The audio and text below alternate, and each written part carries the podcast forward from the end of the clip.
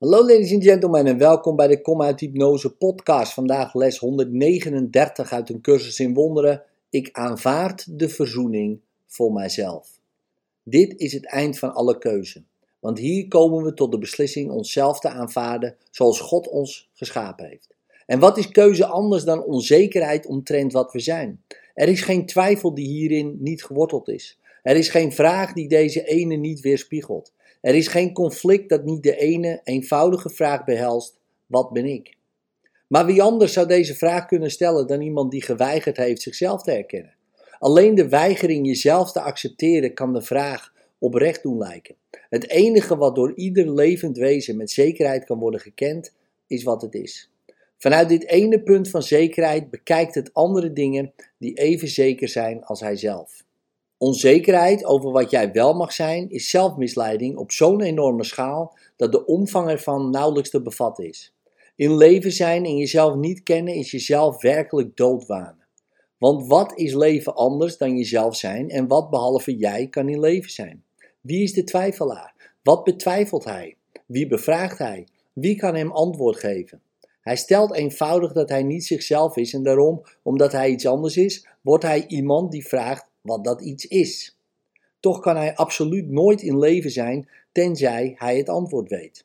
Als hij vraagt alsof hij het niet weet, toont dat alleen maar aan dat hij niet wil zijn wat hij is. Hij heeft het aanvaard omdat hij leeft, heeft er tegen geoordeeld en de waarde ervan ontkend en heeft besloten dat hij de enige zekerheid waardoor hij leeft niet kent.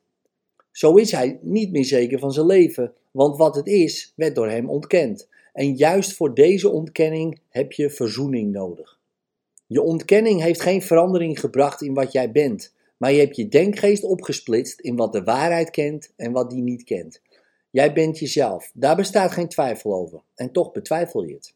Maar je vraagt je niet af welk deel van jou echt jezelf betwijfelen kan. Het kan niet werkelijk een deel van jou zijn dat deze vraag stelt, want het vraagt aan iemand die het antwoord weet. Als het een deel van jou was, zou zekerheid onmogelijk zijn.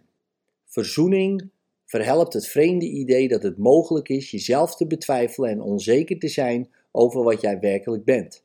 Dit is het toppunt van dwaasheid. Toch is het de universele vraag van de wereld. Wat betekent dit anders dan dat de wereld dwaas is?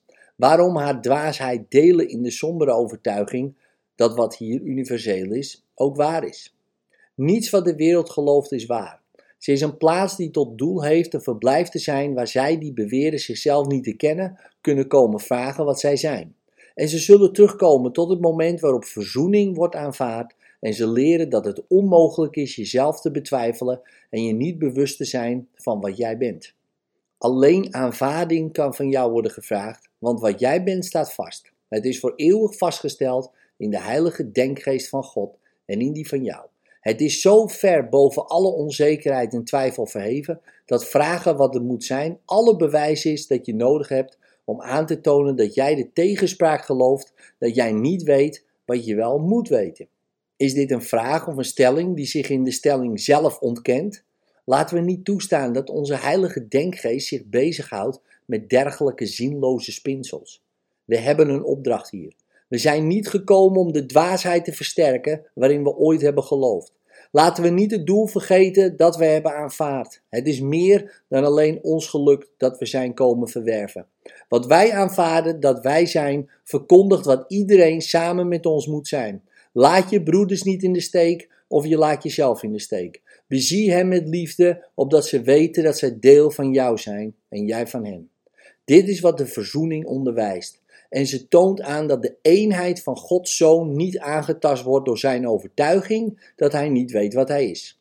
Aanvaard vandaag de verzoening, niet om de werkelijkheid te veranderen, maar alleen om de waarheid over jezelf te aanvaarden en vervolg jouw weg, je verheugend in de oneindige liefde van God.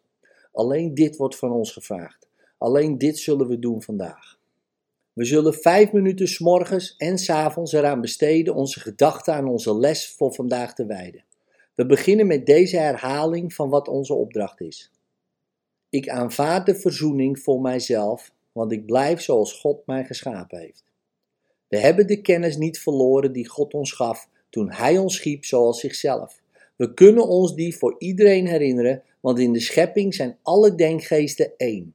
En in ons geheugen sluimert de herinnering hoe dierbaar onze broeders ons in waarheid zijn, hoezeer elke denkgeest een deel van ons is, hoe trouw ze ons werkelijk zijn geweest en hoe de liefde van onze Vader hen allen omvat. In dank voor heel de schepping, in de naam van haar schepper en zijn eenheid, met alle aspecten van de schepping, herhalen we vandaag elk uur onze toewijding aan onze onderneming, terwijl we alle gedachten die ons zouden afleiden van ons heilig doel terzijde leggen. Laat je denkgeest verscheidene minuten lang verschoond zijn van alle dwaze spinrag waarmee de wereld de heilige zoon van God wil inspinnen. En ontdek de breekbaarheid van de ketenen die de kennis omtrent jouzelf schijnen te houden van je bewustzijn, als je zegt: Ik aanvaard de verzoening voor mijzelf, want ik blijf zoals God mij geschapen heeft.